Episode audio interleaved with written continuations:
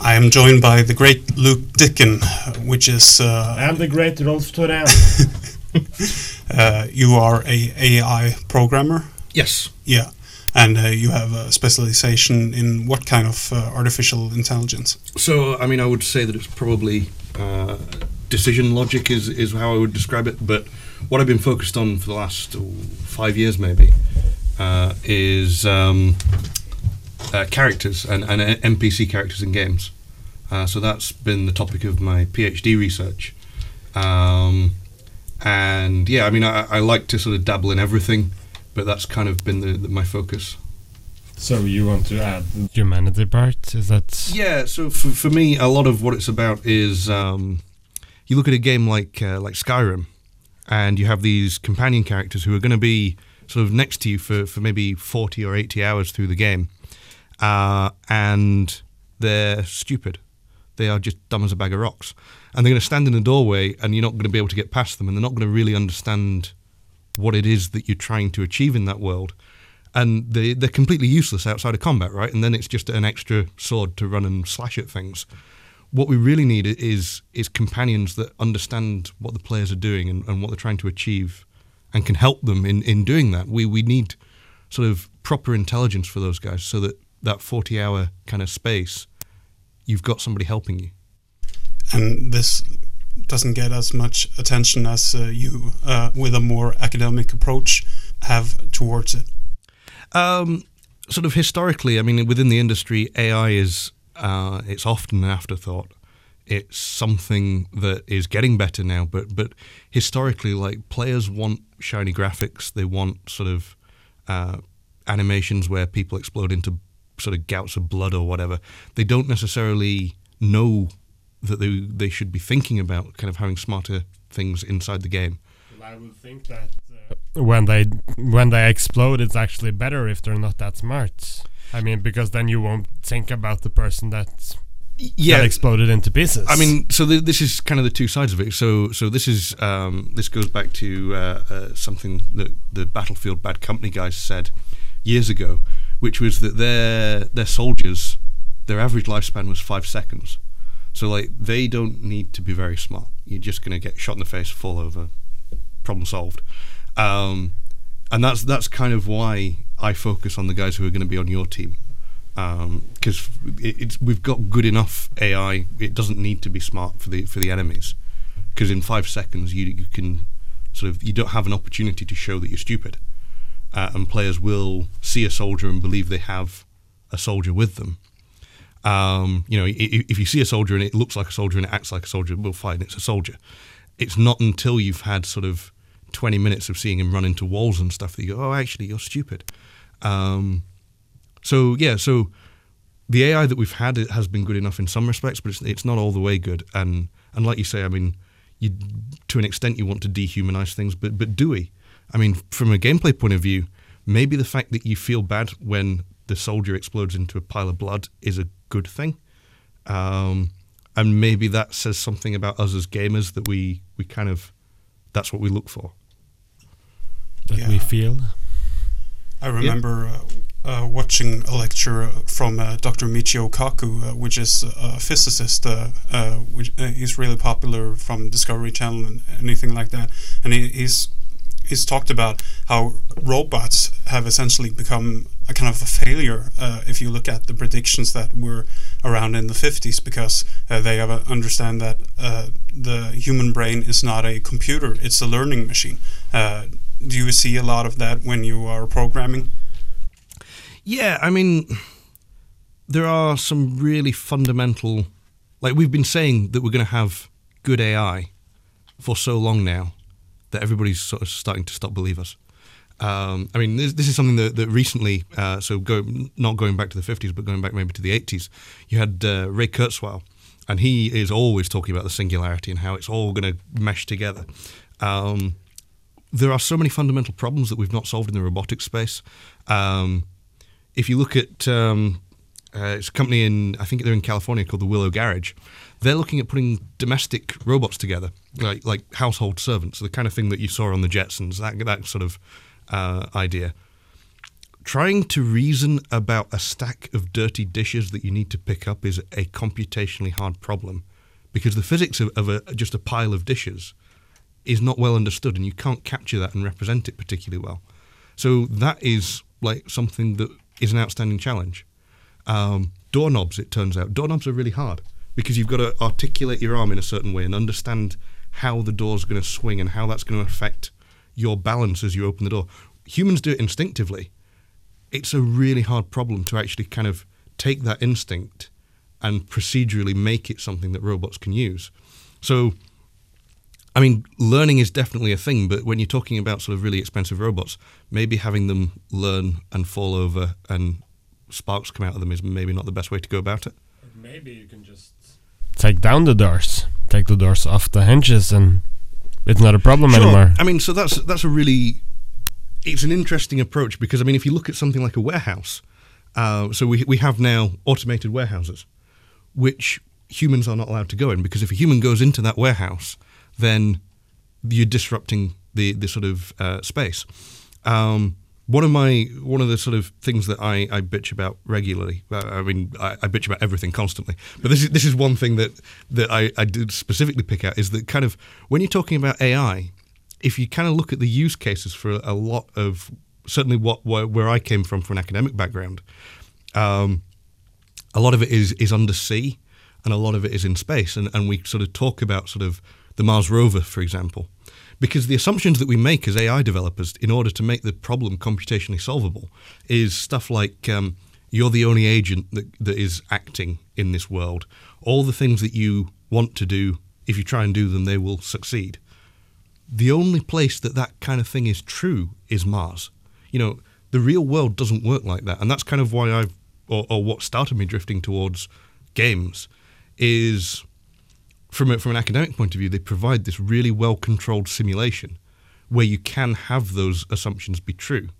Um, so, I mean, I've been a gamer all my life, and I, I, got into AI from games, and then sort of drifted back to it, looking at it from this simulation point of view of it's the only place that half these things are true, and that that's a really tricky problem. So we can take the doors off, but that's only going to be one solution. So then we need to have lines painted on the floors so that they can pathfind around.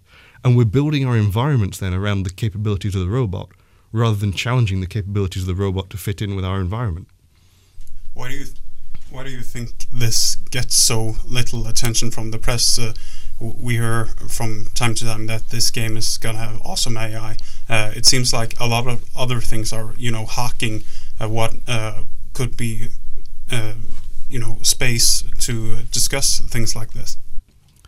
So I mean, one aspect is like I guess there's two things. One is a lot of it doesn't work. So like problems with AI and it not working right are not necessarily that interesting to the to the wider audience. Um, we've been promised so much from sci-fi that like expectations are always kind of high and deliverables are always quite low.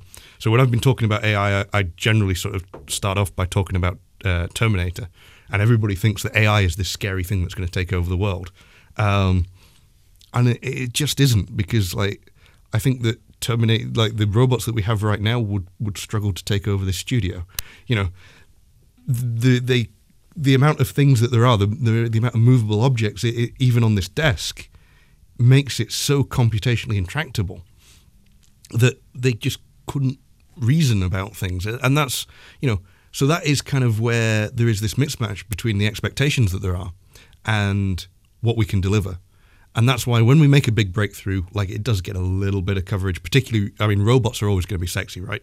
Um, and although in a game world, what we have effectively are fake robots, like they're less sexy, they're less sort of mechanical and the no, the uh, what's the uh, the Honda guy, uh, Asimo, like that's just a cute thing, right? That's that's you see that walking around and it's like a little kid climbing steps. I mean, it, it's fantastic. That's a much better sort of uh, I don't know what I don't know what the equivalent is, but like a, a visual soundbite than uh, a character in a game world wandering around in an appropriate way. I mean, that is just sort of what people people are more inclined to point out the flaws in games than they are. And I, I do this as well. I'm terrible for doing this. Uh, my entire session has been pointing out the flaws in, in what's going on in games.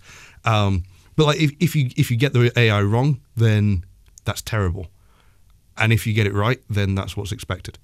Yeah, because it's like when you're watching a play or a movie or whatever, and they make a mistake or the actor fumbles, you kind of your orientation becomes towards that error in spite of. And that kind of proves that it's a movie you're watching and it's a game you're playing and it's it's not yeah. reality. I mean, a, a, good way. I don't know if, if you guys have the same systems in Norway, but for, for grading papers, um, you can either use a positive grading system or a negative grading system, right? Where you're either earning points for saying the right things or losing points for saying the wrong things. Like in the real world, everything is a positive grading system where, like, if you do the right thing, you get rewarded. In these entertainment mediums, if you do the wrong thing, you get penalized. When we were walking up here, you were talking about specifically Phil Fish and Jonathan Blow, and you know they're hawking a lot of the spotlight. Uh, what are your thoughts on those people? Um, so, uh, at the risk of being a little bit contentious, uh, I mean these are guys who uh, I, I, don't know the background to the. Uh, so they were featured in the indie game movie. I don't know the background to how that deal came to pass, but I mean, effectively by agreeing to be part of that, they became the de facto spokespeople for the indie game movement. And I never voted for them, so I'm not entirely sure how that worked. Um, I don't know. I mean, everybody is always going to have personality clashes with each other, um, and that that is an issue. Um, personally, I could rant for a long time about some of the decisions that they've made. Uh, I okay, right. Screw it. I'm just I'm just going to throw it all out there. I don't think it's necessarily a bad thing that they are taking uh, a step back from the limelight. I don't think that they've handled the responsibility that goes with being a community spokesman particularly well. I think that they are very abrasive personalities. Um, I'm being very careful about what I say since this is sort of going out a little bit more public than most of my rants. Um, but you know, these these are guys who, um, you know, the big thing with, with that I have with Phil Fish is like everything that kind of blew up has all stemmed from his past behavior and the way that he's been, you know, and it all really for me stemmed from the whole issue with Fez on on XBLA, where you know there was a bug in it, and it, it was a problematic bug, uh, and he tried to fix it, and he didn't quite fix it right. Uh, and I, this is my understanding of the situation. I could be completely off base, so send your hate mail to these guys, not for, not to me. Um, uh, but like, um, you try and fix it, and you send out a patch, and you get one free patch on XBLA and then he'd used up his one free patch. So for the next patch, he needed to pay, and suddenly that was the worst. You know, that made Microsoft evil. Well, Microsoft were. If you think that that makes that Microsoft evil, Microsoft were evil when you signed the contract. You know. And if it's news to you, then you didn't read the contract all the way through. And it, you know, do we want to say that the paragon, the paragon of of like indie games is a guy who doesn't read the contract all the way through? You know, I don't know. I mean, I, I, I think that piling on and, and slagging off the guy and making it into personal attacks the way it, it sort of got for him, I can see why he would sort of be personally hurt by that. I mean, anybody who's an artist, and I don't know, you guys may be the same. I mean, it may not even be something that translates into Norway, but like for me in particular, and I know it's common throughout a lot of things. Like you can get feedback, and you can get 99 pieces of really positive feedback, and one bad piece of feedback and that is the one you remember. You don't remember the 99 positive ones. Yeah, exactly. Um, and I, I mean, I, mean it, I can tell you the the negative feedback that I got on my GDC talk this year, um, and I, and I could actually sort of almost verbatim tell you what that said, and I couldn't tell you any of the other ones. And the, you know the, that was one negative if somebody's piling on, or if the world is piling on with that kind of negative thing, I can see that wearing you down. But you get back what you put out into the world to an extent, and like if you're going to reap what you sow, then to an extent, like he, I feel like it's a chicken and egg. Were people dicks to Phil Fish, or was Phil Fish a dick to people, and then it became sort of this spiraling circle of hate? Uh, could you see uh, any other outcome if he filtered this through uh, a person that administrated his, his Twitter? Oh, absolutely. I mean, like the the bigger you get, the more you need to disengage from all of these things. I think. I mean, Notch is a, a really good example of this. Um, so recently, Notch has um, has sort of I don't know if he's cancelled or just postponed his work on uh, what was it called, Ten to the Sea. Yeah. Um, and a lot of that was because player expectations were just so high. Uh, I mean, Notch is always going to, no matter what conversation you're having, Notch is an outlier, always. Um, but he'd been the one hyping this game up. Oh, I'm working on this thing. It's great. It's going to be amazing. Um, Notch is a guy who naturally, I feel, seeks out the spotlight says the guy doing a radio interview. Um, but no, I mean, like Minecraft was his his his baby. It was it was it was his work of art, and he wanted to get excited and he wanted to share his enthusiasm for his next work of art. But at the same time, that's not necessarily how players are going to react to it. They're not going to react in the same way. And like, if I see people who I think should be working on something for me, like uh, for my sort of community stuff, you know, if they've said, "Oh, I'm gonna I'm gonna do that for you," and they've not done it for me yet, and I see them they've been at the movies tonight, I'm pissed. You know, why haven't you done this thing you said you would do, and yet you're out enjoying yourself? Because I'm sat at my desk working. Where are you? Um, and you know, if you've built, if you've said you're going to make this awesome game, I can see. Like, I don't think it's necessarily fair, but I think it's inevitable that you're going to get that kind of reaction from players when you're, you know, doing your thing and, and having a life, and not working on it 24 7 and players expect you to work on it 25 7 i mean they they have huge expectations and they don't necessarily know what making a game is. So yeah filtering you have I, I feel like you have to do it. I don't have to do it because nobody cares what i think that much and i don't make something that players really engage with. And that is a really nice thing. Um, so a, a, game that i've been working on is is about to release um, and i'm sufficiently removed from it that pretty much all I see is the good stuff being tweeted by the actual developer. I did a contract on it. I don't care if it succeeds. I've been paid already. Um, and the nice things I'll happily retweet and, and sort of get them out there.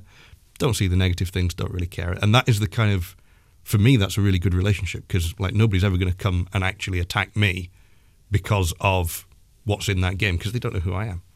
Yeah. Do you think a lot of developers that don't get so much in the spotlight uh, shares your sentiment?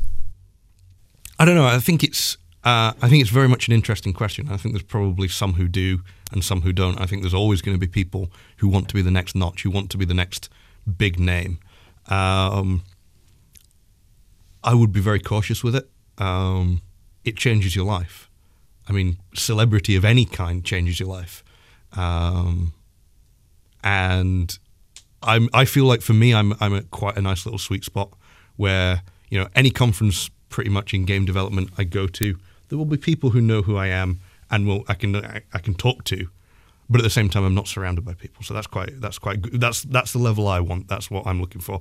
People to listen but not be like fanatically listening to me that's what we aim for here I got recognized uh, yesterday and that was way too much for me so, um, do you think we will see a lot of advancement in the use of uh, good AI in the next maybe 10 years to come, or uh, will it go stale? So, that's a really it's a really good question because it has such wide-reaching implications. Um, within the next 10 years, I think it has to come because uh, one of the things that I've been saying for a long time now is that everything else is kind of played out. Um, graphics is the one that I always pick on. I love picking on graphics guys because um, they're spending all this money on doing shiny new engines and making you know. So Frostbite is always the one that, that I single out because Frostbite is this expensive piece of kit that looks fantastic, but it's not changing gameplay. Um, and increasingly, what we're going to find is that to get these small returns and to get things looking that little bit more realistic, a little bit more realistic, it's going to cost exponentially more every time. It's not something that we can actually dig into. And like what we need is to be looking at other areas. For me, AI is somewhere where we have lowest hanging fruit and we can spend not much money for big returns. But will AI ever be so complicated that you can actually talk the last boss into reason? Um, that's a great question. That is no, no, no. That's fantastic. Um, so I, I mean, yes, eventually, because I mean, so for me, long term, like long, long, long, long, long, it's not going to come for maybe fifty, maybe even hundred years. But we could end up in a position where um, our games are more like films, and our developers are more like directors. So rather than sort of what we do right now is we create an actor and we design the actor and then we say how the actor should act. You know, in the future, in the far future, there's no reason why we shouldn't have, you know, a guy come in and we tell him, you know, right, okay, well, in this one, uh, you're, uh, you know, you're a Russian soldier in this one, and you're defending the satellite uh, launch facility, and uh, the expectation is that you're having your coffee over here, and then the the uh, the the spies come in from that door, and go and from there, you know, what's what's what's the how is that going to be different from a movie? It's going to be an interactive movie, effectively. Uh, which I mean, interactive movies that's a whole other thing from the '90s that, that maybe just needs to a die. Full motion video kind yes. of stuff, yeah. Um, but that I mean, that has to be the goal in terms of like where would we like to see this technology? Where does it end?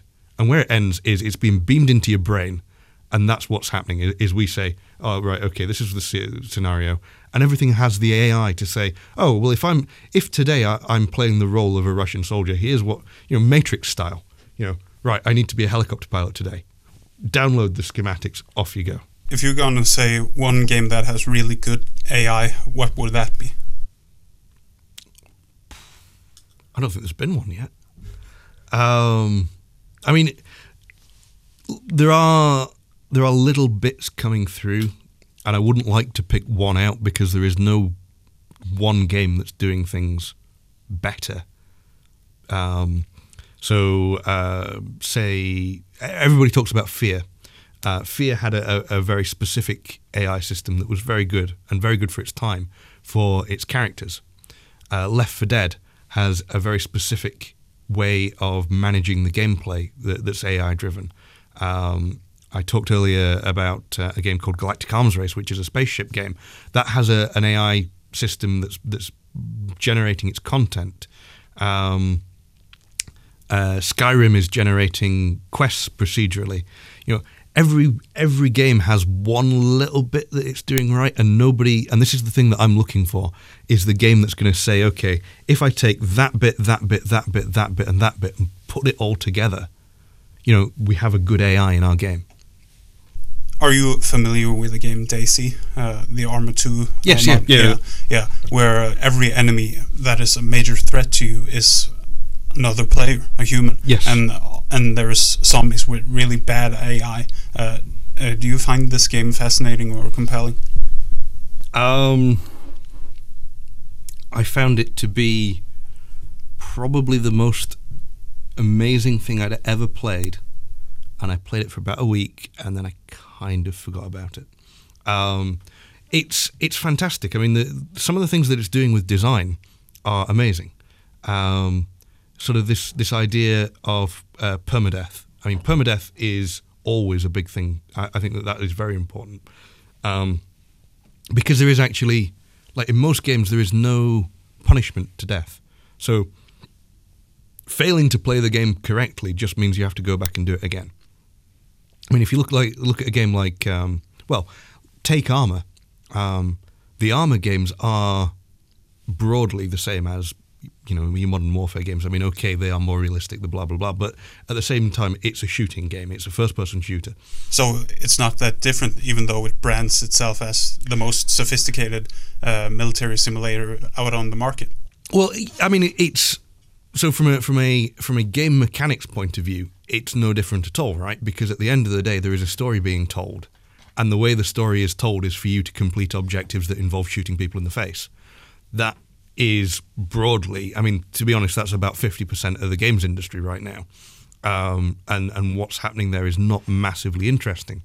Uh, but the ability to take that game and turn it into this thing where, you know, I've spent evenings and uh, not many evenings because I did get over it pretty quick, but like crawling from one side of a factory to the other, trying to avoid a mob of zombies because I'd actually found a really good weapon this time. You know, that is a fascinating game.